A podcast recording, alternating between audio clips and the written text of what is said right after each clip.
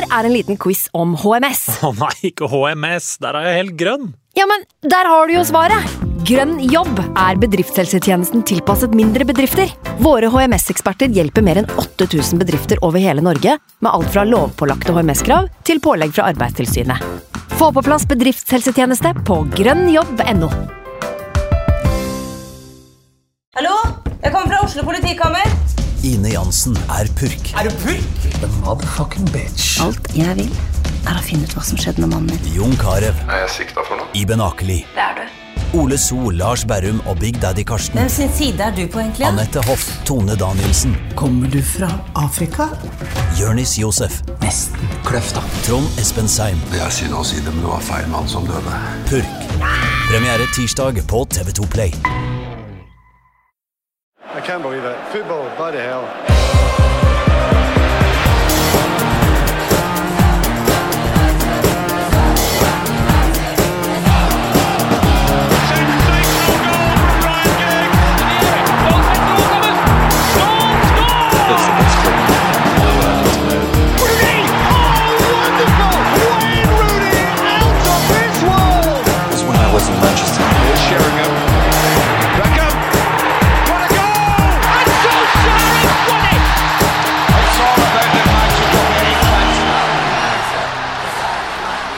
Sesongen nærmer seg slutten, og vi kan si velkommen til nok en episode av United We Podcast. I dag har jeg med meg Nettavisens Anders Serener. Velkommen skal du være. Takk skal du ha. Godt å ha deg på plass igjen. Godt å være her. Og det kan jeg eh, med kanskje enda litt større kraft si om Kasper Wikestad. Nei. Velkommen tilbake. Takk skal du ha. Det er veldig deilig. Vi har savna deg. Jeg har savna dere òg. Ja. Jeg skulle høre på United We podcast før jeg skulle kommentere Manchester United-Lester. Ja. Og Siste episode var fra april. Ja, men vet du hva? Det er, Jeg var eh, veldig skuffa. det er iTunes, eh, i- et, et iTunes-problem. Det er et iTunes-problem? Ja. Så det har kommet episode etter det. Det har kommet en episode i uka, men eh, de har hatt noen sånne voldsomme eh, oppdateringsproblemer. Aha. i Apple, Ja. som har gjell- eh, jollet j- j- jalle, joll, jall- jollet flere podkaster enn denne, så vidt jeg har skjønt. Ok, ja. Så det er, eh, ja, men da vet jeg det. det er bare å beklage. Du finner det i Spotify eller andre steder. Ja. For jeg er lytter. Ja, ikke sant? Ja. Eh, og det er jo eh, en glede å ha deg tilbake igjen. Vi skal snakke om to Manchester United-tap i dag, da, så eh, det er ikke det er da jeg pleier å komme. ja, Det er da vi tenker at da kan det komme en som, eh, en som egentlig skal være litt objektiv oppi det hele, og det er du jo også, for så vidt. Absolutt. Ehm, vi kan jo, Siden det er så lenge siden vi har hatt det her, så kan vi jo nesten begynne med Hva, syns du egentlig om eh, sesongen til Manchester United? Kanskje spesielt den andre halvdelen av den? Ja, den er jo fantastisk. Jeg har snakket om her i denne podkasten før at Solskjær fortjener eh, hauger av eh, ros for de grepene han tok tidlig i managerkarrieren i Manchester United. Eh, Med å få ut en del eh, spillere som kunne gitt han kortsiktig suksess, eh, ved å groome inn andre spillere med tanke på fremtiden til eh, lag og klubben. Eh, Og han sa jo det sjøl, at eh, dette er noe grep som må tas, men eh, om de tas nå eller om to år, så må det uansett tas, og hvorfor ikke gjøre det nå? Eh, og når jeg har vært der tidligere, så har jeg sagt at det fortjener han hauger av ros for, men jeg har egentlig trodd at den neste manageren skulle høste fruktene av det, det arbeidet. Mm. Eh, og det er jo fantastisk at han får høste fruktene av det selv. Ja. Eh, for det er jo hans ære og hans fortjeneste at han har gjort dette her. Så ikke Pochettino kunne komme inn nå med en andreplass enn en Europaliga, et europaligatrofé, men at han faktisk kan, kan høste fruktene av det, den jobben han har gjort selv. Og det, det syns jeg han fortjener eh, masse klapp på skuldra for, og eh, en sesong over all forventning. Det er lett å glemme hvordan denne sesongen starta, Ja. med Palace-tap hjemme og Mm. 1-6 mot Tottenham, og, Ja, og hvor, hvor utrolig krise det så ut, og alle sa at Solskjær er ferdig, eh, finito. Eh, så, så å kunne bare legge de resultatene i, i, eh, i glemmeboka, er jo Ja, det står enorm respekt av det, og det må ha vært litt gøy å være Manchester United-supporter denne sesongen. Ja, Har det ikke det, Anders? Ja, altså, kjære venner, det har jo det. Det starta trått, men det jeg sier som de unge, jeg er speil. Alt Ja. her, er- Jeg trenger ikke å gjenta alt. På en måte, det, er jo, ja, det er akkurat sånn det oppleves. Og så er det kult å se Solskjær sitte med en helt annen pondus nå. Det virker som han, liksom, han, han er mer rakrygga og litt sånn rolig der han sitter. Det er kult, syns jeg. Ja, det, jo- det unner vi han. Han har jo hele veien på en måte fått veldig kred for at han alltid har sagt de rette tingene. Eh, men om det har vært med, et, med en like komfortabelt kroppsspråk, er vel kanskje en annen ting. Eh, Jeg syns jo han ser, ser ut som han er ganske uh, At han sitter godt i sitt eget skinn, akkurat Ja. Ole Gunnar Solskjær. Mm. Absolutt. Nå ser jeg han er sånn liste sånn verdens 20 beste managere, og han er høyt oppe på de listene. og så plutselig. Man får jo eh, litt gratis med å være i de største klubbene selvfølgelig der, men, eh, men det at vi har en nordmann inne på blant de 15 beste managerne i verden, det syns jeg er litt, eh, litt kult. da. Det var ikke den vi helt så komme, kanskje, at det var der vi skulle hevde oss. Nei, det har vi snakka om her òg. En lettvekter, liksom sammenlignet med Klopp, med Mourinho, med, med Guardiola og alle, Mm. så, så har Solskjær vært en lett, lettvekter. Eh, Og det er han på en måte ikke lenger. Nei, eh, og det er jo eh, litt fint at du sier det der med mm, at man kanskje trodde at det var en annen som skulle høste de fruktene av den jobben som Ole Gunnar Solskjær har gjort, fordi det å tro på at han selv skulle gjøre det, var vel en historie som nesten var litt for eventyrlig, på en måte, da. Mm. Men eh, man må jo kanskje ta noen ganger bare liksom to steg tilbake og se litt på det òg. Det er bare sånn, sitter faktisk der fortsatt, og nå tar vi det helt for gitt, så vi snakker jo nesten ikke om det lenger engang. Eh, Men ok, eh, la oss eh, hoppe inn i kampene. Vi begynner med litt kort om matchen mot Leicester. United starter med et rent B-lag her, som følge av det Ja, sinnssykt blir for en gangs skyld riktig ord å bruke, om kampprogrammet som Manchester United har hatt. Absolutt. Um, har dere Altså, um, jeg ser at det er noen som har hev... Eller ikke hevda, men kommet med noen uh, slags uh, betraktninger om at det kan være en liten FA-hevn. Er det noe dere har uh, tenkt på? Jeg har jo sett ja, tette kampprogrammer i uh, Premier League før. Ikke så tett som dette, riktignok, men tenker jo bare ja ja, det skjer innimellom. Ja, FA-hevn har vært i andre, litt andre sammenhenger, men her måtte han jo gjøre et grep. Han kunne velge halvveislag i kamp 1, halvveislag i kamp 2, halvveislag i kamp 3. Ja. Ellers kan man velge toppalag først, eh, reservelag 2 og toppalag kamp 3. Mm. Det er egentlig to eneste alternativene han hadde, som jeg Ja, ser det. Mm. Og han valgte alternativ 2. Ja, uh, det er vel bare Mason Greenwood. kan ikke kritiseres for det. Kan jo ikke det, nesten. Det blir jo vanskelig. Um, Han fikk vel også støtte av Klopp, Ja. tror jeg. Så det var, det, sånn, sånn er det jo bare. Ja. Så De kan jo ikke slites helt ut heller. Nei. Eh, Det var vel egentlig forventa også at det skulle være et lite B-lag her. Det er Greenwood som eh, er vel den eneste liksom, av de eh, så å si faste elveren som starter den matchen her. Rutinerte Greenwood. Ja, Ja, men du så jo på han at det, det var en oppgave han syntes var litt eh, stas, tror jeg. Ja, han Å var- han være var- seniorspilleren der. Det var sinnssykt kult å se på. Og han, han så voksen ut. Han så plutselig 25 ut og tok de litt, litt tøffere løpene defensivt. Absolutt. Ja, Viste seg moden. Um, innmari kult å se. Det er litt som uh, når uh, en spiller fra liksom, uh, Moss 1 ble lånt ned til Moss 2 bare for en viktig match, husker jeg. Da spilte han en grei match, altså når du liksom kommer der ned med tieren og røde sko og bare kjører i gang. Tieren og rød. ja, det var I det Moss. I Moss var det det store på den tida. Geir Balle Johansen han kunne hatt rødsko. Han kunne hatt det. Da endte opp med at Raymond Kvisvik var den første på Mølle stadion som faktisk gikk for det. Ehm, men ehm, det starter jo litt dårlig også for Manchester United eh, da Luke Thomas skårer det fineste målet han sannsynligvis kommer til å skåre i, sin fotballkarriere. For en volley der eh, er, Kasper. Idet du ser ballen komme over der, så tenker vel egentlig aldri at den skal i krysset. Han er 19 år og roper 'leave it' til ja, Jamie Vardy. Leave it! Det syns jeg er eh, helt fantastisk. Det var nesten noe basten over den der, Ja, ja. det treffet der. Ja, det var utrolig bra. ass. Jeg tror ikke det finnes en United-sport i verden som gikk unna det målet. Altså, det, vet, du, det, det var så utrolig fint mål at uh, jeg tror de, altså, alle satt og klappa litt, bare. Ja, for det er jo idet ballen kommer over, så er det jo Vi har jo sett mange volleyer som fotballsupportere. Det går jo som regel opp på tribunen, mm. eller et eller annet sånt noe. Og så ser du liksom at det er sånn Å, han skal han dit, ja! Sånn tidlig i skuddet. det er kontrollert, det er ikke rist eller noen ting. Han kontrollerer den i lengste En slags innsidevolley. Nei, Det er jo rett og slett eh, vakkert. Så skårer jo United ganske kort tid eh, etterpå. da. Eh, Mason Greenwood får seg et mål. liksom Ledertypen på laget i denne matchen her. Fint forspill av Amadiallo, for øvrig, som jo kan være fint å ta med seg. Og så skjer jo det som har skjedd litt for ofte med Manchester United. De slipper inn en dødball. En corner, da, er det vel i dette tilfellet. er det ikke det? Jonsju Og Stangen. dobbeltbytte på defensiv dødball der. Dobbeltbytte på defensiv dødball! Ja, Ja. Det er, som å, det er som å drible i forsvar. Det er, sånn, det, det, det er de to tingene jeg husker fra barndommen. Ja. Eh, så det var, det var sprøtt, og, og, og det straffa seg ja, umiddelbart. Ja, det er jo nesten litt merkelig, fordi det der er jo en sånn Jeg vet ikke, jeg, ikke bytt på defensiv dødball er jo en sånn litt sånn ikke ta din egen straffe, på en måte. Altså litt sånn som er en Jo, men du er litt uorganisert, og det, du så, det er ikke tilfeldig at det var en innbytter som hadde Sionsju. Det var Rashford som hadde Sionsju. Du er ikke inne i kampen helt, og det er kanskje et par beskjeder som, som ikke har nådd helt uh, fram og sånt nå, når du bytter på defensiv dødball. Bytte på offensiv dødball, derimot, det er undervurdert. Ja. Jeg ser folk holder igjen dødball, nei, bytte ofte når det er eh, corner og sånt i sitt eget lag. Eh, Men de gangene de byttene gjøres, så får man ofte betalt for det, for da blir det tellefeil hos det andre laget. Ja, ja. Så flere bytter på offensiv dødball Ja. har vært litt sånn Trippelbytte på offensiv dødball, da trenger du mål. Lite tips til Solskjær der. Ja. Eh, men ok, selv om de bytter på defensiv dødball, Burde det ikke vært mulig å kommunisere at Rashford ikke skal ta verdens største stopper? Uh, Jo, fordi det er den, jo den mulig. stusser jeg over. Ja, selvfølgelig, og som oftest så går det greit òg. Ja. Men hvis det noen gang skal bli litt sånn uorganisert eh, når, når du skal forsvare egen dødball, så er det ofte ved et bytte. Ja. Selv om det som oftest går greit. Altså. Ja, og Her er det jo også et dobbeltbytte, så det er jo da to mulige tellefeil som kan på en måte skje. Jeg vet ikke om begge slår inn, men Rashford mister i hvert fall Sionchu ganske kraftig. Han gjør det.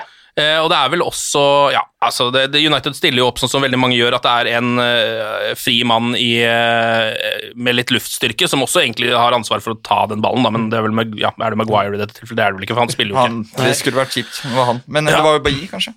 Ja, det var det nok. Ja. Det var bare et løst ord. Eh, Navn. ja.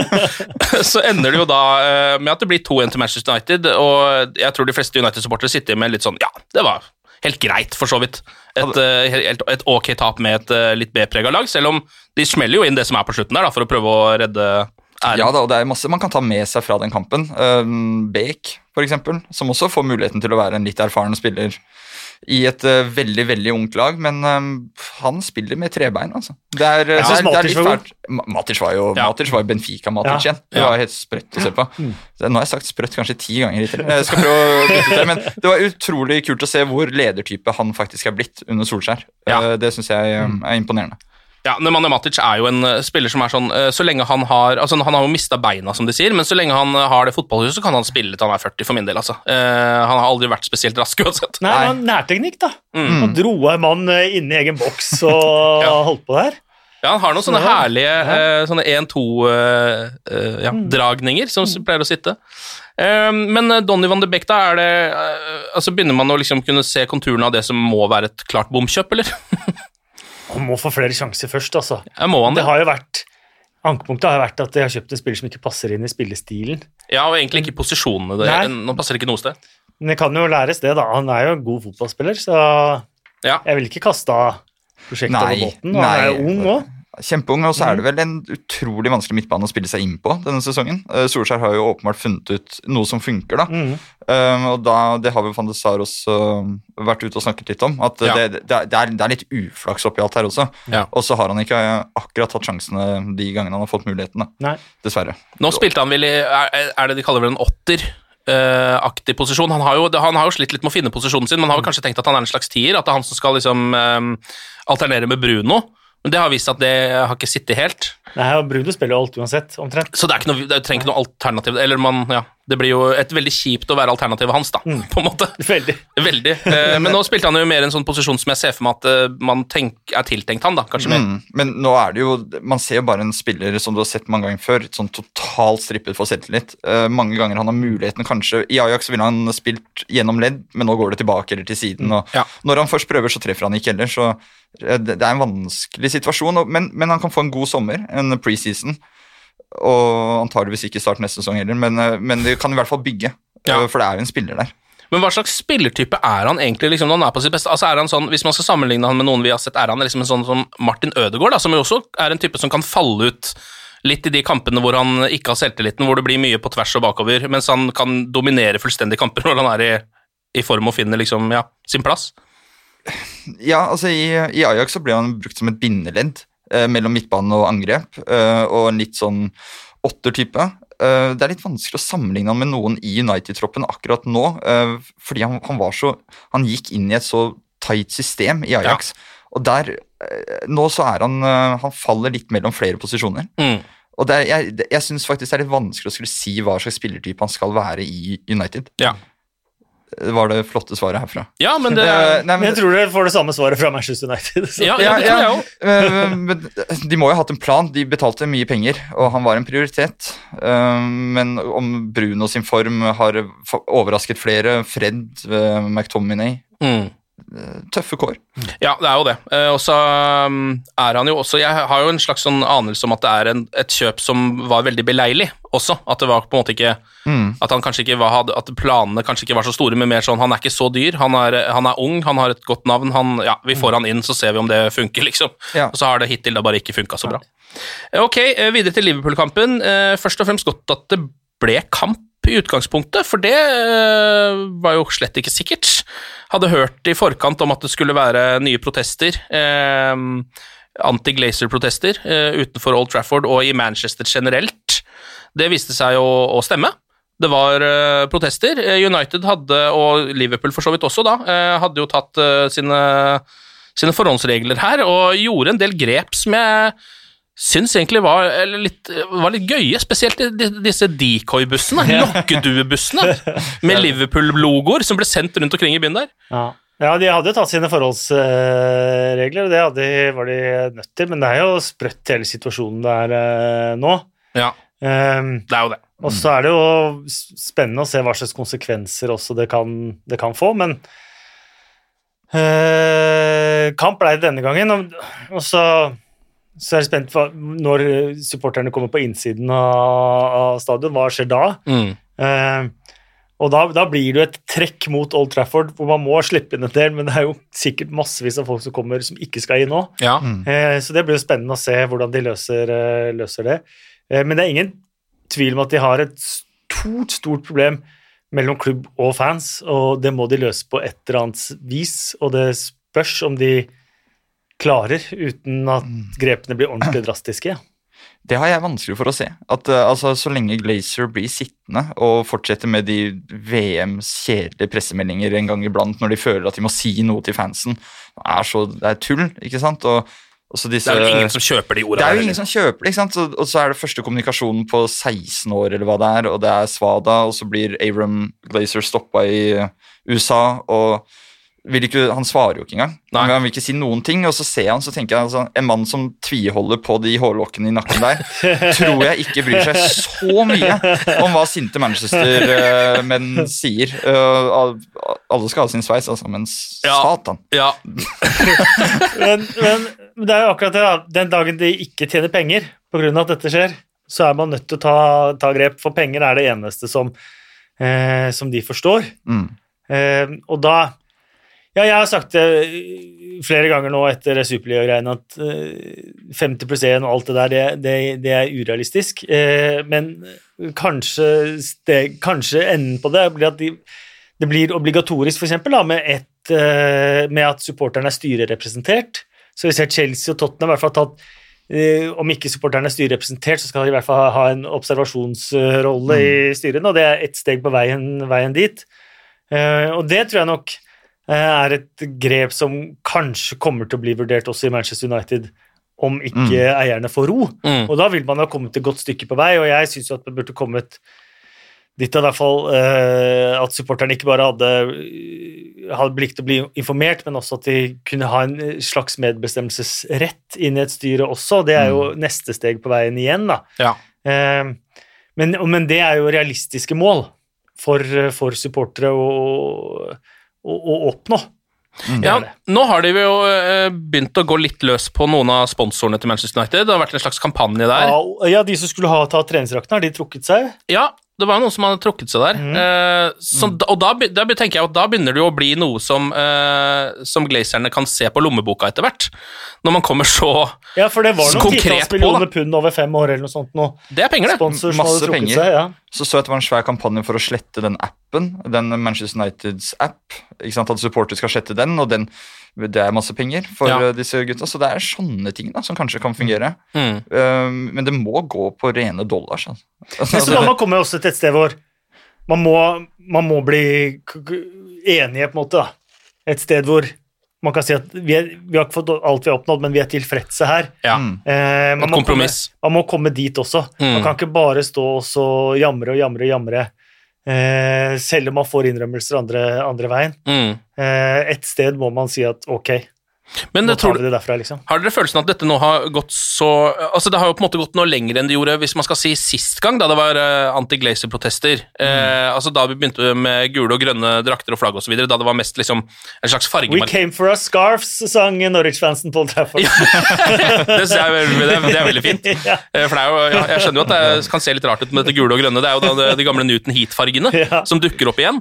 Jeg tror Eh, til og med de hadde en banner 'Glazer out, uh, we want our scarves back'. Eh, i bortesvingen på den matchen. Ja. Ja, men da støtter man jo begge veier, så det er jo egentlig helt perfekt. Eh, men eh, nå virker det jo som det på en måte har gått litt lenger. Det har, eh, det har på en måte, de har tatt til gatene på en helt annen måte. da. Kanskje det liksom, har noe med pandemien å gjøre. at det rett og slett eh, Kommer du ikke inn på kamp, så må du i hvert fall gå ut i gata. på en måte. Eh, men jeg bare, har det nå gått så langt at det ikke kan på en måte eh, skje det samme som sist? fordi da ble det jo sakte, men sikkert bare dyssa ned, og så glemte man det nesten. Og det er litt sånn med at uh, turisten er borte fra Old Trafford òg. Mm. Uh, at du, du får ikke de tusenvis som, som kommer bare for opplevelsen, dra innom klubbsjappa, kjøpe drakta, og så gå på match og så klapper og så synes at dette er, eh, dette er bra, og så kan det dysses ned, for man blir en del av mengden etter, etter hvert. Nå er det jo eh, lokale hele veien eh, som driver dette videre. Og så har man kommet også da eh, til et punkt hvor man faktisk må få innrømmelser før noe som helst, eh, før man kan backe. Mm. Eh, og det tror, jeg, det tror jeg er en god ting. Eh, hvis, Mm. Når eh, Manchester Supporter Trust Manchester United Supporters Trust sa vi skal ha svar innen fredag, så kom det et svar innen fredag Mm. eh, fra Ja. Gleserne brevmessig, selv om man ikke var fornøyd med innholdet i det. Så, så skjønte faktisk de at de ikke hadde noe alternativ til å svare. Ja. Mm. Eh, de kunne ikke være stille denne gangen, og da, da har man kommet et stykke, et lite stykke, det er ett steg, og så må man komme noen steg, eh, steg videre derfra. Det er, jeg syns det er veldig interessant å følge, og for Manchester United-sportere må det være superinteressant Ja. å følge utviklingen her. Ja, det er jo enormt, det er jo veldig spennende hele, hele greiene, når man ikke engang vet blir det kamp mot Liverpool pga. Mm. dette. Eh, så kjenner, ja, men det er jo noe man eh, Det er veldig spennende å se hvilken vei det tar, og det er jo eh, jeg har vært ganske sånn, kjenner jeg er ganske opptatt av at det ikke skal bli stygt, det tror jeg alle mm. egentlig er. Men så er det jo noen også som igjen som sier at hvis ikke, altså det, man kommer aldri til å få noe ut av det hvis ikke det er i hvert fall noe som går litt skeis, fordi hvis veldig mange prøver på noe godt, så er det alltid 2 som slår feil ut, liksom. Og vi kjenner jo engelskmenn såpass godt at vi vet at en god del av de som er med på protestene, er uh, folk som bare vil eh, ha det moro med å kaste ting og lage er bråk og være, uh, eh, ja, Ja, lads, ja. og være pøbler, liksom. Det, sånn er engelskmenn. Ja, Eh, en del av de. ja. ja. så, så det er ikke alle som bare er her av gode hensikter og supportere og, og alt. Det er det ikke. Og, så, og sånn sett så er det viktig å holde det relativt sivilisert, men si fra på en klar og tydelig måte. Og det er en vanskelig balansegang. Men syns du, eh, Kasper, som en som har et uh, hjerte som har banka for engelsk fotball i mange mange år, egentlig hele livet, uh, ser du på dette som en, en nobel kamp av Manchester United-supporterne? Eller ser du på det liksom litt bøller? Nei, kampen er nobel. Mm. Eh, Målet er nobelt. Ja. Eh, og, og så er det så jeg, Man får litt sånn Capitol Hill-følelse når, når man, Man gjør det. tar seg inn på Old Trafford og Begynner å uh, og hive. TV-kameraer og sånn? Ja, Mm. men heldigvis var det langt mer sivilisert enn det var der. Ja. Uh, og så er det jo De som går over streken, det er jo ikke bra, og det er ikke folk som hjelper saken heller. Nei. Eh, Nei. så, men samtidig så det er vanskelig balansegang, og vanskelig å, å unngå det, men, men at målet er Målet er eh, en god ting, det, det, det, er det, ikke, er det ikke tvil om. Mm. Eh, nei, det blir veldig spennende å se hvor dette her bærer. Det er jo ikke noe tvil om at uh, supportere har eh, mer makt nå enn de har hatt på en måte noen gang, og fått vist det fram også, så hvem vet hvor dette her eh, ender til slutt. Hvis vi skal se litt på det som skjedde ute på selve matta, da, Paul Trafford, ehm, så er jo Bruno Fernandes kaptein for Manchester United, noe mange United-supportere har villet se en stund. Det er jo fordi Harry Maguire er ute med skade. Mm. en, eh, det er vel en leddbåndskade, så vidt jeg har skjønt, han har fått. Ja, det kan stemme. Så vi vi vet vel ikke helt hvor lenge han er ute. Så vidt jeg har skjønt, så har vel Solskjær sagt at det blir ikke noe mer eh, Premier League på denne sesongen. Det skulle på en måte bare mangle, men at han kanskje kan rekke Europa, Europaligafinalen. Og det er jo fem dager mellom de to kampene eller sånn. Fire-fem dager, kanskje bare tre år, jeg husker ikke helt nå. det. Ja, så det er veldig Ja. Men uh, Bruno Fernandes uh, som kaptein, iallfall, han er, har jo en følelse at eh, at det ikke er så mange år før han er kaptein for Manchester United. Han har vel egentlig vært det fra han kom inn. Altså En kaptein uten bind, bare. Ja. Han skriker og hoier og kommanderer og pisker. eh, så han gjør jo mye av det en kaptein skal. Ja. Um, og jeg hadde ikke turt å slippe nivået rundt han. Han ser jo, han ser jo sur ut bare han bommer selv. Ja, Liksom. han gjør jo det. Ja. Hadde et voldsomt skrik selv der også etter en drøy time. Ja. Et lakassett, en Lacassette-variant. Ja. Forbanna, rett og slett. Ehm, etter ni minutter så får vi se noen av kvalitetene til Paul Pogba. Han eh, har en nydelig crosser. En sånn 30-meters-crosser til eh, Rashford. Van Bissaka kommer på overlappen. ehm, spiller eh, ut til Bruno, som med utsida ser ut som han er i ferd med å prikke den helt bort i hjørnet. Så treffer den Phillips og går inn. Det var vanskelig å se om den faktisk var på vei i mål eller ikke, men jeg ser vel ut som Bruno får kreditert det målet, så vidt jeg har skjønt. Ja, Dette hadde vi en lang diskusjon om i går. altså, Den hadde jo gått inn. Den Jeg tror det. Ja, for jeg syns ikke Alisson ser ut til at han helt skjønner egentlig hva som skjer engang. Han er ikke på vei i spensten, han. Nei. Det blir en helt annen diskusjon. men, men jeg tror han får, øh, han får poeng uansett. Ja. Bruno, altså. Ja. Eh, og det er jo egentlig en, altså Hvis ikke den hadde gått via Phillips eh, og inn, da, så er det jo en eh, Altså det er jo en glimrende avslutning, egentlig, med Ja, ja. utsida helt borti. Det er kanskje eneste sted han på en måte kan score. Vanvittig frekt. Ja, det er det. Men Eh, Manchester United som sådan syns jeg så litt ferdig ut. Litt, Ja. eh, de skåra det målet. Mm. Åh, dette ble greit. Mm. Eh, Ja. eh, også, også, det er unntak Rashford og, og noen som på ingen måte er ferdig, men ispedd en del som bare 'Dette har vært en lang sesong'. Ja. Mm. Eh, nå er det Europaliga igjen. Eh, det er ingen som ser på oss. Nei, Eh, det er masse mas utenfor tribunen. ja, altså, det, ja, utenfor det virka, og, og Solskjær syns jeg Nå kan det hende jeg overtolker ordentlig, snakka med litt i Premier League-podkasten om, men jeg syns han så skikkelig sliten ut i intervjuet etter eh, Mm. kampen. Jeg syns han så ufokusert ut, og, eh, og, og jeg hadde liksom problemer både med å høre spørsmål og sine egne resonnementer litt. Ja, Nesten litt Eh, apatisk. Ja, og det, det, og det er ikke rart. Nei, det er ikke det han har vært gjennom denne, det siste året, så er det veldig forståelig om han var sliten etter den, Mm. den, eh, den matchen. Og det er sprøtt å se hvor mye gråere han har blitt på to og et halvt uh, år fra han tok over. Men hvilken Manchester United-manager har ikke det? Altså, Nei, nei, nei, absolutt. Moyes var ikke grå engang før han kom inn der. Nei, det tok jo en halvtime. Ja, det tok tok 20 minutter, og Mourinho så ut som Dracula etter to dager. Ja, ja, ja. Så han var kjempe... Og Solskjær gikk fra å være det evige babyfjeset til Gollum over natta. Eh, på en måte. Ja, ja. Så det er, det, det er ikke en enkel jobb. Nei, det er ikke det. Det er mye press. Men vet du hva, i går så tror jeg det var veldig mange United-supportere også som eh, var, Ja. altså, Jeg kjente på det selv. Det var, jeg har aldri ikke brydd meg om en United-Liverpool-kamp. Så klart jeg brydde meg i går også, men jeg ga litt sånn Jeg, Jeg skjønner hva du mener. Det, det, det var ikke så viktig, og jeg så til og med med noen Liverpool-folk som har vært manisk depressive og oppesen av alt ikke sant, i hele år, og selv de var litt sånn Ja, det var kult, kult med kamp, da, og kult med seier. Ja. Og så skiltes vi som venner. Vanligvis har, jo- så har vi ikke snakket sammen på flere uker. Ja, men Det stemmer, det, for jeg, jeg også så faktisk kampen sammen med en Liverpool-supporter som er kompis. Det ville jeg aldri gjort hvis jeg, hvis det var Hvis, jeg, hvis, hvis jeg var, var, hvis det var ja, med, hvis jeg var mer nervøs, rett og slett, før kampen. da. Mm. Det var en eller annen ro rundt den kampen. Det var på jo deg, Du har ikke turt å se sammen med venner, ikke turt å se på pub. Nei, Nei. jeg Du har sitter vært hjemme. ordentlig forstyrra i flere år nå. Ja, ja. på dette her. Ja, det. Ja, men det Det er godt å høre. da. det har jo påvirka alle. Det har hjulpet på det sosiale, i hvert Ja, fall. Eh, Så, sånn sett så var det jo på en måte en, eh, en eh, perfekt dag å bli, bli litt bedre venn med sin Liverpool-venn, men allikevel um... Jeg, jeg, jeg fikk til og med tilbud om et glass med rødvin under kampen. Altså, Det er så sprøtt. Det var nesten ost på det. Altså, var det var sivilisert. Og jeg vet ikke om jeg liker det, men sånn er det mot slutten av sesongen. Ja. Og det skal være sånn, kanskje. ja, det vil jo bli sånn, da. Det er jo naturlig når du får en sånn kamp. Som egentlig så har jo Liverpool ja, For dem var det viktig. For dem var det har kjempe- topp fire i egne hender. Det var topp, kjempeviktig, men eh, jeg tror supporterne hadde egentlig gitt opp. Ja. Hvis du skjønner, De skjønte ikke før de eh, stakk av med de tre poengene der at oi, vi, vi klarer jo å få Champions League nå, Ja, på grunn av dette. Hvis de vinner de tre siste, så har de det i egne hender. Da Ja. får de det. Ja, ja. Så det Og det er ganske enkel motstand de har. altså Nå har de jo slitt mot den type motstand. enkel, ja. Ja, så, sånn er det jo. Eh, Men den kampen var jo egentlig altså helt eh, uhorvelig viktig for Liverpool, uten at man egentlig fikk noe særlig følelsen av det. da. Faktisk. før etter matchen, nesten. Um, og så eh, er det liksom en av de mer omtalte situasjonene i matchen kommer etter 25 minutter. Eh, da blir det blåst straffespark, rett og slett, til Liverpool. Bailly er litt vill i feltet, som vi har sagt noen ganger. Ikke Bailly.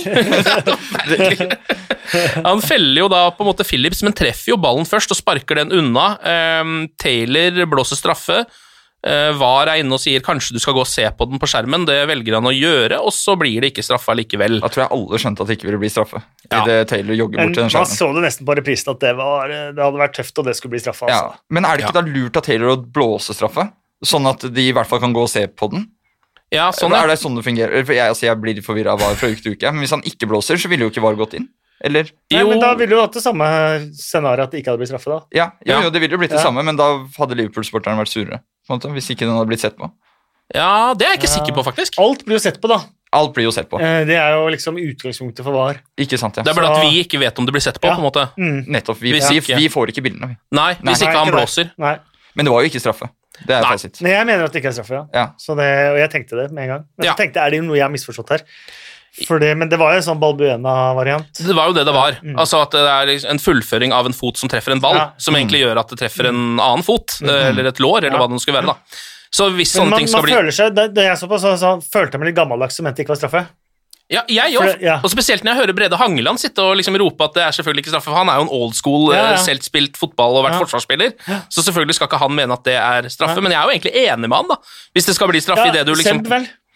Eh, Ja, med Hangeland i studio, ikke ja, ja, ok, ja, mm. ja, mm.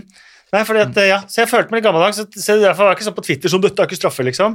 Jeg holdt meg unna, holdt meg unna den. Ja. Eh, men så fikk vi bekreftelse på at det ikke var straffe, og da tenkte jeg ja, ja, da er det sånn reglene er. Det er litt kult med saftige taklinger, da. Det må Altså, at, at det fortsatt er en ting, og at det skal være lov. Ja. Det er jo bare at han faller han fa- faller hissig, på en måte. Mm. Uh, han, Ja. Ikke sånn at han uh, uh, kaster seg eller noe sånt, men det er jo et uh, sammenstøt. Ja. Men det skal det jo være når du møter Erik Bailly, Ja. tenker jeg. Ja, ja, men du har jo ikke lov til å gå inn sånn at det er farlig spill. Å nei, nei, Eh, og du har ikke lov til å gå for voldsomt inn. Nei. Da har det ikke noe å si om du treffer ball eller ikke. på ingen måte. Så det er vel der den er på en måte det- litt ja. på kanten, fordi han går jo på en måte Altså han går jo ikke inn med knottene, men det er ikke så langt unna. Nei. Så det blir en sånn Ja. avveining, da. Men jeg Ja. syns jo de landa på rette Det sida. Heldigvis. Var det ikke en hen-situasjon også? Jo, det det var vel også Var det før? Ja. Det Samme sitt glemte vel den, da. I, Ja, men det, det var det, det stemmer det. Det var jo en, eh, et innlegg som går Det er vel også Bailly som Nei, det er Bisakka, tror jeg. Ja. Eller er det bare i? Er det ikke McTominay som står Og den hens-situasjonen, Ja, ja. som sant. også ble snakket litt om rundt rødvin hos meg. Ja, at, det, at tidligere i sesongen så kunne det ha blitt straffespark. Da hadde det vært straffespark. Da hadde det vært Hvis du husker den der Lindeløv-varianten. Ja, mot- var det mot Burnley eller noe sånt nå? Eller? Jo, det tror jeg det var. Ja, Hvordan- Det var helt latterlig. Tullete. Det er vel der de har gjort om til at hvis den går via din egen kroppsdel opp i din egen hånd, Det også. så skal det ikke blåses Ja. lenger. Visstnok, da.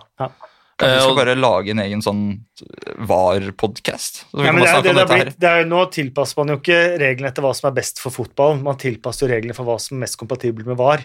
Ja. Ja. Uh, og det er jo veldig rar utvikling på fotballen. Ja. Eh, men vi har jo fått en million regelendringer, og ikke minst folk som mener at andre regler burde forandres. En re enorm regeldiskusjon de siste årene som vi ikke hadde før. Ja, ja. Fordi at det skal være mulig å, å vare det.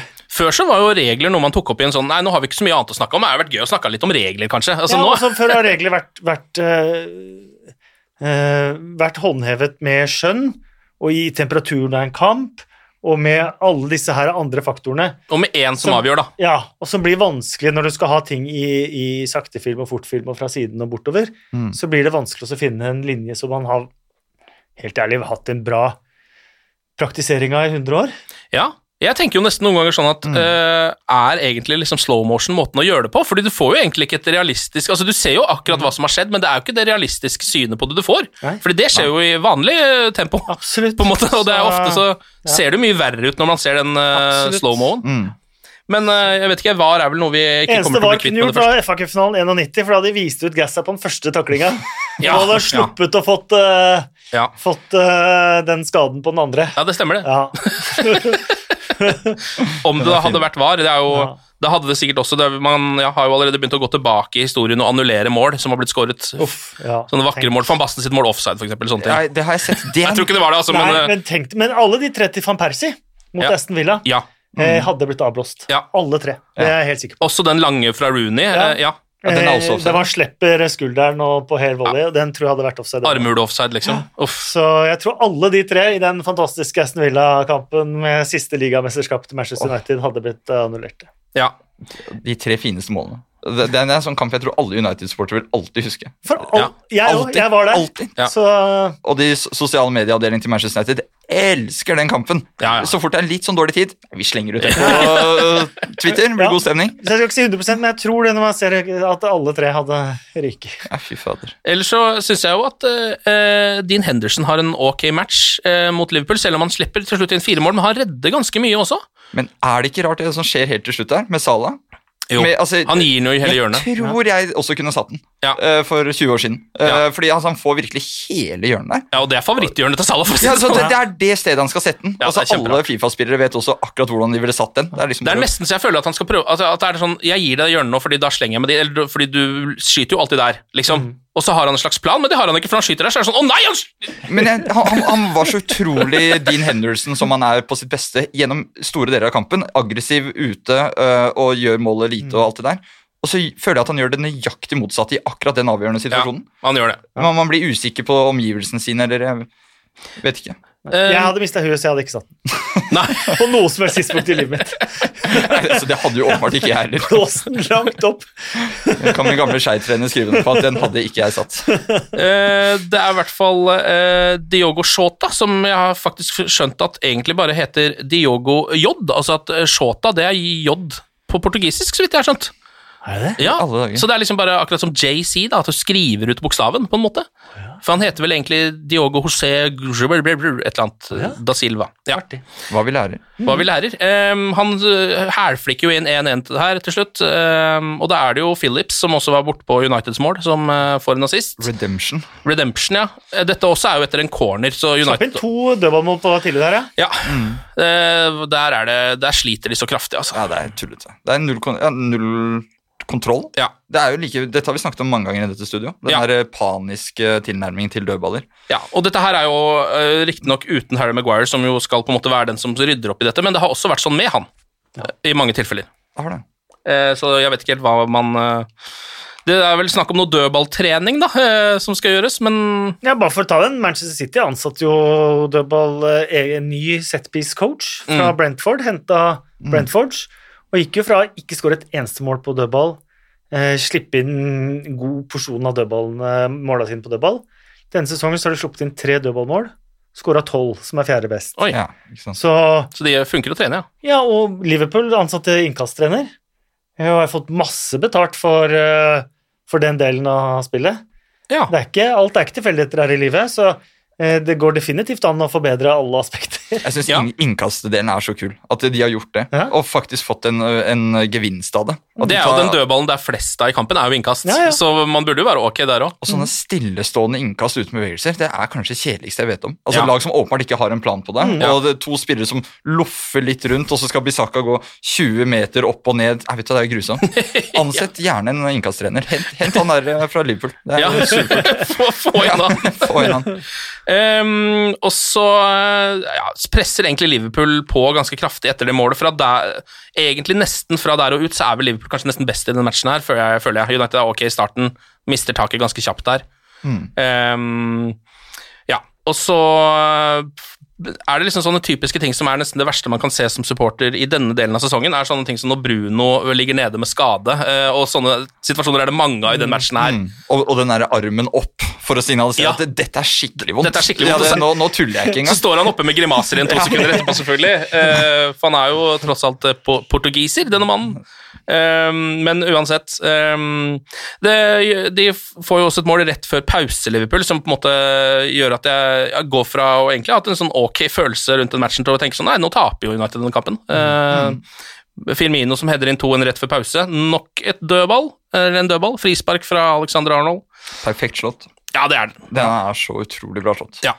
Og da ja, er Firmino tilbake. Han har jo ikke skåret på en stund, og skårer vel aldri mot United, nesten, så Første gang han Ja, skårer mot United. ja. Mm. ja, det stemmer nok, det. Mener det- det ble- sa det. Ja. Det ble sagt høyt, i hvert fall. Ja, ikke sant. Ja, Da, vi stoler på Alsaker. Da stoler vi, Det må vi gjøre. vi på Ja, det må vi nesten gjøre. Og da er det pause, da. Eh, United ligger under eh, 2-1, og så starter det jo helt horribelt også når andre omgang sparker i gang. Der er Fred med en grusom feilpasning, rett og slett. Ja, han, Som liksom- han har noen av de. Han har litt for mange av de, han hadde flere i går. Ja. Eh, Det, det, er liksom, det blir ikke sånn direkte straffa for, fordi de får tilbake ballen, men da driver Shaw og surrer, som også har vært en spiller som har vært i veldig god form. Mister litt konsentrasjonen. Det ender med at Alexander Arnold skyter, og Firmino skårer igjen. 1-3. Ja. Absolutt alt som skjedde før det 1-3-målet, så panisk ut. Ja. Absolutt alt. Altså, det var bare det surr. Ja. Uh, og det, måtte, det, det, det, det så ut som det ville ende med mål. Og det er det etter 15 minutter hvilepause, og så er det spilt ett minutt av andre omgang omtrent. Ja. Når det er så Altså, jeg føler at hodet er i hvert fall ikke det som burde ha mista det, da. Nei. På en måte. Nei, United gikk ut i den andre gangen veldig altså Nå skjer jo dette med én gang, da. Ja. Men jeg trodde virkelig at de skulle være påskrudd. Det, Ja. det så jeg for meg. Og så er Fred eh, Han er jo liksom Fred på sitt verste Ja. uh, fra starten av, og det er egentlig urovekkende for Solskjær. Mm. Nå tror jeg kanskje ikke at Fred er den midtbanespilleren som kommer til å bli satsa på.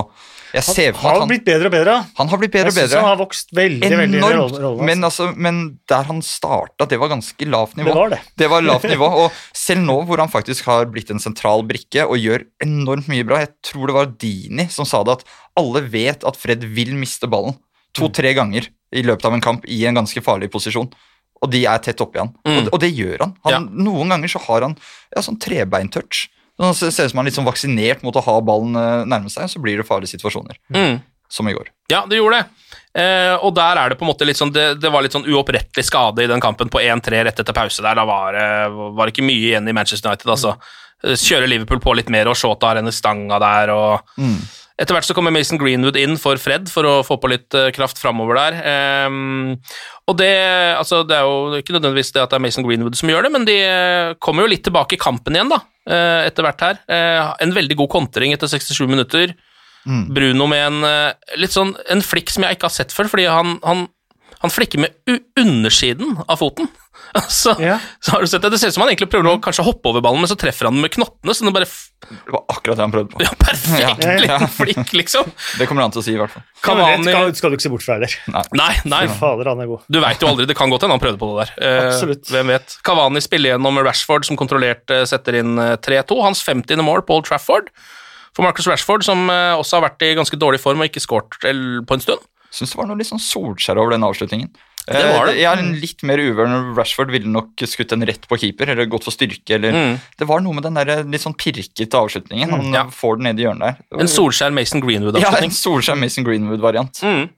Um, og godt for Rashford, som jo uh, har måttet spille veldig mye på høyresida. Uh, nå var det jo også sånn kampen starta. Han gikk jo opp på venstre etter hvert, så vidt jeg kan huske, men Pogba starta vel ute til venstre. Eh, hva tenker du om, eh, om det, Kasper, å se eh, Rashford på høyresida når han er åpenbart er best på venstresida? Ja, men det jeg, jeg, Nå er vi jo liksom på den tida av sesongen med tett kampprogram og alt mulig sånn at ting blir liksom ikke helt Perfekt, nei. Nei, det kommer Blir en del ære varianter eh, hit og dit. Eh, Ja. Så jeg tror ikke man skal legge så mye mer i det. Jeg tror, Men han har spilt mye der, nesten litt sånn systematisk Ja. på høyrekanten. men jeg tror det er viktig nå bare pause, EM, Ja. slappe av, strand. Ny sesong. Ikke dra til Mykonos. ikke dra til Mykonos! og så Og Mason Greenwood, hold deg unna Phil Foden, selvfølgelig. Det har vi snakka om før. Ja, definitivt. Så alt som er dårlig påvirkning på hverandre, det må man unngå. Ja. Så, men eh, ja. Så jeg blir veldig spent på å se når, blir, når ting blir tilnærmet normalt igjen, da. mm. Eh, og, og, og man får en ordentlig oppkjøring fra de forskjellige lagene og, og sånt. Men jeg håper jo, da, og det er for Manchester Uniteds del, at det ikke blir for mye Dubai, Australia, USA, Singapore og så tilbake. At eh, Mm. man Jeg tror de aller fleste nå trenger ordentlig slappe av og ordentlig en sesongoppkjøring hvor det sportslige står i fokus. da. Jeg håper de skjønner det, og også på grunn av, kanskje det begrenser seg selv pga. pandemi. Man kan jo nesten Ja. håpe uh, at man slipper de der turneene rundt omkring i hele Asia. De elsker jo å dra til Australia, da. Og Australia har det jo kjempegreit om dagen, så det, kanskje de drar dit. Ja. Australia er det beste i verden, nesten. Ja. Ja. Men eh, det, det, nå, er jeg, nå er jeg litt usikker, men United pleier vel å ha annonsert sommerturneen sin allerede nå. Ja. Og de, de drar jo ikke på en sånn der eh, verdensomspennende tur. Det kan jeg ikke se for meg at de gjør. gjør. for nå er tiden inne for å ta de sanddynene på steppene i Skottland. Ja, det, Ja, være sammen liksom tre Ja, uker uten tidsforskjell og trene sammen. ja, Ja. Få golfa litt eh, innimellom og, Mm. og litt sånn. Og, og lade batterier samtidig som man trener. og De har jo fasiliteter. Altså, Ja, ja. De, de kan fint Jeg har sett at de koser seg i basseng eh, i Manchester også, så jeg tror de kan eh, bli der. Fokusere på fysisk opptrening, for det kommer til å bli nødvendig etter Mm. denne sesongen her. Ja, og hvile, ikke minst, som du har nevnt. Mentalt overskudd, tror jeg. Ja. Mm. Ja. Um, og det kan jo hende de trenger. Og det er rett fra europalegefinalen Ja. til EM-oppkjøring. Ja. Det er ikke det, det er null pause. Mm. Ja, alt er, jo, alt er jo allerede på overtid, på en måte. Mm. Sesongen er jo på overtid allerede, så da blir det jo Ja, ja. sånn. Mm. Eh, Det ender jo da 4-2 til eh, Liverpool etter at Salah skårer på slutten. Det målet har vi allerede snakka om. Eh, Rashford bommer alene med keeper helt på overtid uten at det hadde så veldig mye å si. Og så er det da to kamper igjen av Premier League. United har 70 poeng, fire mer enn Leicester. Eh, ligger jo da på andreplass. Topp fire er jo sikra. Eh, Fullham hjemme og Wolves borte er det som gjenstår. Og Da er det jo for United-sportere kanskje litt gøy å se om de kan klare å gå gjennom eh, hele sesongen, eh, eller Premier League-sesongen ubeseira på bortebane. da. En liten eh, De er to der. kamper fra rekord. Én Ja. kamp eller to? Ja, det vet jeg ikke. En kamp fra En rekord? fra rekord, tror jeg. En fra rekord, ja. ja. Og da snakker vi fra 1888, ikke fra 1992. Ja. Nei, ikke sant? Eh, En ekte rekord. ja, Manchester City er ferdig med å ta rekorden på antall vunnet, borte, eh, vunnet borteseiere på rad, mens eh, Manchester United med rekorden for Antall borteseiere på rad uten tap. Så Mm, det forteller jo litt om at publikum ikke har vært til stede òg, kanskje. Det tror jeg også har en utrolig imponerende, da. Uansett. Ja, det er det jo i hvert fall når man ser den måten de har gjort det på, for nesten alt er jo comebacks. Og det, Ja, ja, og det krever jo en egen mental styrke å Ja, klare å gjøre det gang på gang på gang. Men nå er det vel en gang sånn at uansett hvordan de to siste kampene går, så vil Solskjær kunne se tilbake på progress. At det har vært fremgang. Eh, og det, han ser det i, i mer enn bare poeng, tenker jeg. Og Mm. bortekamper uten tap. Det er, eh, det, er, eh, det er ting som begynner å sette seg. Mm. Så nå har han virkelig ting å bygge på. Hva tenker du om eh, det, Kasper, hvis man skal se på utgangspunktet som er nå? da, La oss si at uh, nå er sesongen over, det kommer ikke noen langtidsskader eller noe sånt før det er ferdig. Um, og så ser man på Manchester City, da, de, det ser jo bra ut, det. Uh, du ser på Liverpool, Chelsea, som har begynt å imponere. Ehm, og så ser du på Manchester United og Ole Gunnar Solskjærs tropp. Ja, det snakker litt med United ennå om det, det også. Jeg er veldig veldig usikker på det. Manchester City er et hestehode foran. Det er det liten tvil om, men samtidig har de også vist tidligere at de kan bli De trenger De trenger eh, De kan bli mette, de òg. Ja. Så de trenger noe som kan revitalisere dem eh, for hver sesong. eh, Manchester City også. Liverpool eh, får tilbake van Dijk og, og har hatt enorme skadeproblemer, og ikke bare det at de har mista midtstoppere, men de har mista Fabinho på midtbanen, og han har spilt stopper. De har mista Henderson til skadesone og sånn så de kommer til å bli mye bedre, de òg. Ja. Chelsea ser enormt sterke ut under eh, Tuchel, det er det Ja. ikke tvil om. Så det blir et, det blir et rotterace, og det er, ikke, det er ikke gitt at Manchester United skal eh, utfordre om ligatittel, og det er heller ikke gitt at de skal bli nummer to neste sesong, men at de er på et helt annet sted nå enn det de var for ikke så lenge siden, det syns jeg heller ikke det er noe som helst uh, tvil om. Nei. Uh, og det lover godt. Mm. Um, og så blir det spennende å se hva de klar, klarer å, å hente av, av spillere og sånt nå. For det, det er jo bredden som er Manchester Citys Mm. aller største forse akkurat nå. De har to eh, lag som begge hadde kjempa om og antakeligvis vunnet ligaen. Det er helt sjukt. Eh, det er helt sykt. Ja. Eh, Og kanskje spesielt i bakre rekker der, så har de så mye å by på. når de kjører reservelaget sitt, så tenker du hæ, skulle de toppe laget nå? Ja. Og så ser du på benken, og så oh, ja. bare Nei. Det har de ikke gjort. Nei. De kjører reservelaget her, faktisk. Ja. så det, det er helt spesielt, og det, det har jo vært Når de har vært med i alle de turneringene de har vært, det har vært korona, det har vært liksom alle tingene, så har de, det, det har vært den største vekselen de har dratt på. Ja. De har hatt to lag. Ja, og når du først snakker om det, så er jo det en god overgang til å snakke om eh, noen av de ryktene som er rundt uh, overganger til United. Det kan jo begynne med at Cavani har skrevet ny kontrakt uh, fram til sommeren uh, 2022.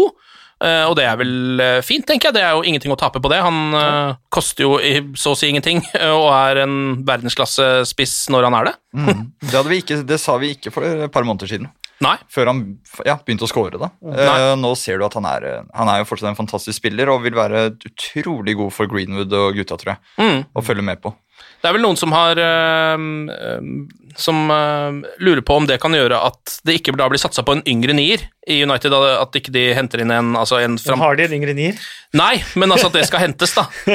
Eh, at, det, at Kavani liksom på en måte tar da den plassen, så det ikke satses da på et eh, annet kjøp eventuelt. Men det er jo bare ja, spekulasjoner. Harry Kane er jo også eh, i ryktespalten, han. Uh, Kobla til Manchester United. Det er The Sun som har skrevet mye om det, selvfølgelig. Eh, først så mm, hadde de jo eh, Eller så, ja, hva skal man si eh, Så det ut som at de mente at dette kunne skje. Nå er de skeptiske igjen. Nå tror de at Kane blir i Tottenham hvis ikke City blar opp 150 millioner pund. Men det er greia med Harry Kane. At uh, han har to valg. Uh, enten bli Tottenham, håpe at de vinner òg, men uansett ende opp med statue utafor Ja. stadion. Være helt der for evig tid. Eller så er det Jeg vil vinne titler og, og trofeer, det vil jeg ha før jeg legger opp, så da må jeg dra et sted. Og da vil jeg nå dra et sted hvor det er garantert. Ja. Og selv om sjansen er større i Manchester United enn i Tottenham, så er det på ingen måte garantert. Nei, nei. Eh, Manchester City så får du, kommer det med trofégarantien. Mm. Eh, Mm. Så derfor så, så, så vil jeg tenke at det er veldig ulogisk for Harry Kane å dra til Manchester United. Mm. Eh, for da er det nok da henger det nok høyere å få statue og, og, og kanskje vinne noe med Tottenham, Ja. eh, selv om sjansen er mindre. Eh, så jeg tror ikke han vil dra bare for å øke sjansene litt. Nei, en annen ting som jeg også har tenkt må Da i du så fall veldig mye penger det er snakk om. Ja, en annen ting som jeg også har tenkt på, Nå vet jeg ikke hvor mye de har å si for fotballspillere, sånn sett, men, ehm, men Manchester United er jo et sånt eh, lag som hvis man går dit, eh, spesielt da fra, selvfølgelig fra liksom City og Arsenal og ja, Chelsea osv., men også fra Tottenham, så har du gått til Manchester United, på en måte. Det er litt sånn åh, du gikk til fienden vår for noe dritt, nå er ikke du legende her lenger. Går du til City, ingen av de samme følelsene. Selv om de er en større utfordrer nå, så er det Bortsett fra Adebayor. Ja. Men det er fordi han var Manuel Adebayor, da. Jeg syns jeg ser Kane ta den 60-metersveien. Det var jo helt nydelig en gang jeg var på Emirates eh, og så Tottenham mot Arsenal. Eh, så spilte jo Adebayor for Tottenham da, og skårte mot Arsenal, selvfølgelig. Eh, og hopper da over reklameskiltene bort til der jeg eh, sitter, som er rett bak mål. Eh, og jeg sitter ved siden av en, siden av en fyr som da har Gunners tatovert på halsen på begge sider. Altså kanoner på begge sider, han er så Arsenal-supporter. Så han tar telefonen sin og hiver den på Emmanuel Adbayor for han er så sur for at han står der og surrer. Og så ser du bare telefonen hans går i tusen knas etter å ha truffet Adbayor på kneet eller noe sånt. Og så, og så blir målet annullert. Ja, det gjorde det. Ja, og han blir så sur. Fucking wasn't even a goal, my fucking phone! Eh, og begynner å rope til vakta, give me my fucking phone! Og vakta går og plukker opp alle bil, bitene og gir tilbake til han. Men det var, det var et godt øyeblikk i engelsk Ja, det er et godt øyeblikk i engelsk fotball. Det er det vi savner. Ja. Det er sånne ting vi faktisk savner nå. Mobilkasting. Eh, ellers så på stoppeplass Men i Spania så er det sånn at de selger kasserte mobiler, gjør de ikke det? Jo, jeg tror det. Utafor? Som du- du kan ha til å kaste. Ja. Det, det tror jeg jeg har lest og sett at det, der står det gateselgere som selger kasserte telefoner. Så her har du en telefon å kaste. Det Liksom. er helt fantastisk! For et marked. Ja, for det er den ene tingen For du kan få med deg inn. inn, Nei, og nei. ikke flasker heller. Nei? Det er gründere dere vi ikke ser nok av i Norge. Herregud. Ja, ordentlig gründervirksomhet. Ja, ordentlig gründervirksomhet. Det har jeg lyst til å se Preben og Johan prøve seg på. For en forretningsidé det er. Det er helt fantastisk. Um, ellers så er det uh, nå Jules Koundé som uh, har begynt å dukke opp som uh, et stopperykte hos Manchester United. Uh, Sevilla-stopperen, uh, en av de uh, 200 gode franske unge stopperne som finnes nå. Der er det vel bare å plukke, føles det ut som, nesten, ja. blant de gutta der. Men så fikk jo Bailly ny kontrakt nå, da. Det gjorde han. Ja. Ganske nylig. Ja. Så jeg vet ikke helt hva det er et signal Altså, det er jo en kjempegod stopper i Erik Bailly.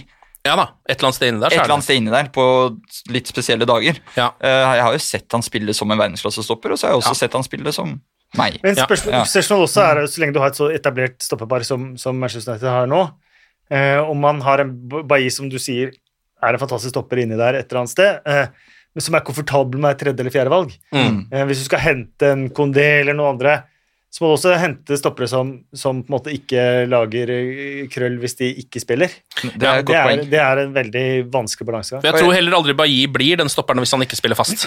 På en Nei, måte. Nei, Da blir det det hver surr men Å ha han som en tredjevalg, Ja. fjerdevalg, og han er, for, er fornøyd med det, Mm. er jo veldig bra for et lag. Ja.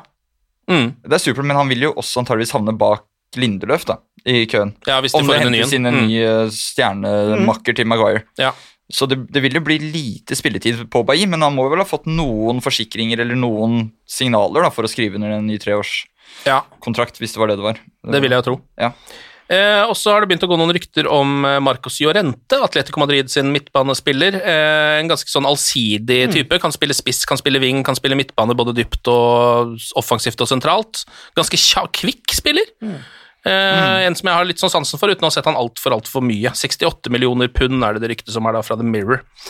Um, så det er det som er i ryktespaltene. Det var jo også Sancho forrige uke, i Ja, Bild, eller fra Tyskland, og den forsvinner jo ikke, den heller. Nei. Og da kommer vi litt tilbake til det med Harry Kane, at jeg ser det ikke på som helt usannsynlig å investere i Sancho og fase Greenwood inn som den unge nieren United ikke har, da. Mm. Selv om Solskjær snakket om at han da må han bli litt tøffere, da. Mm. Han har så pent ansikt, tror jeg han sa.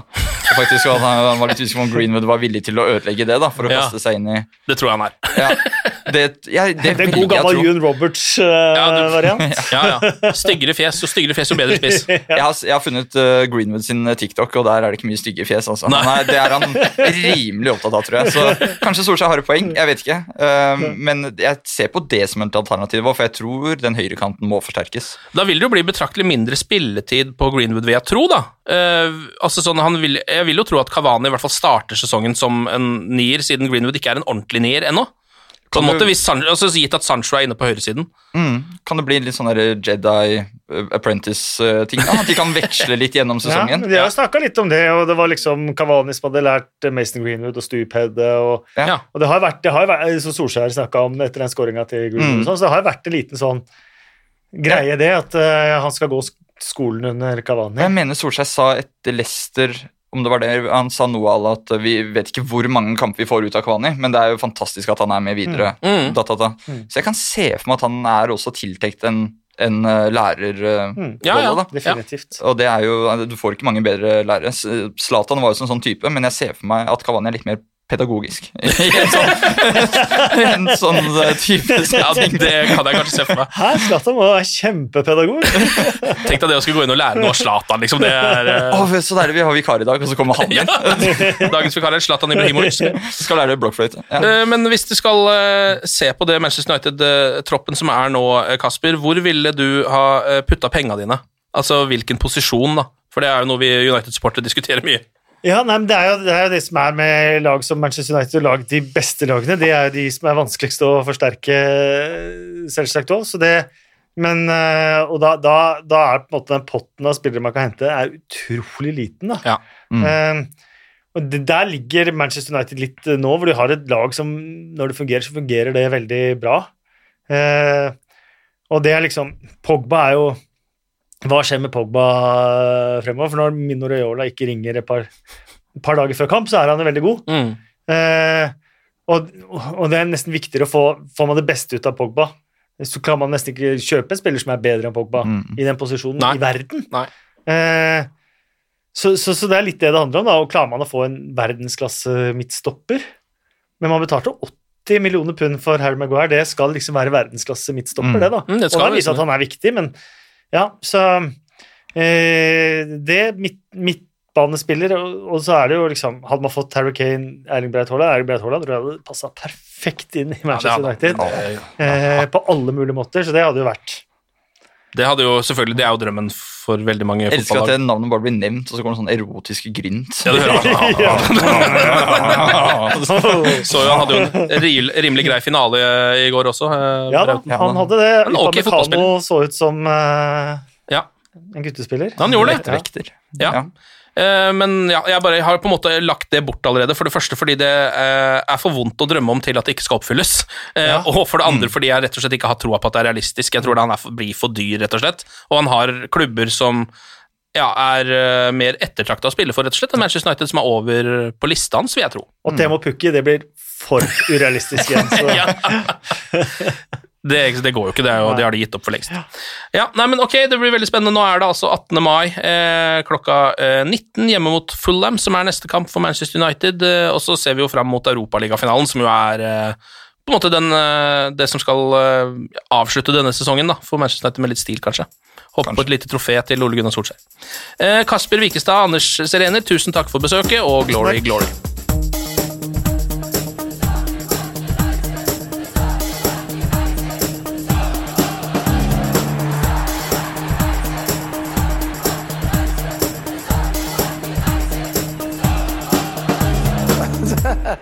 Oh, it's true.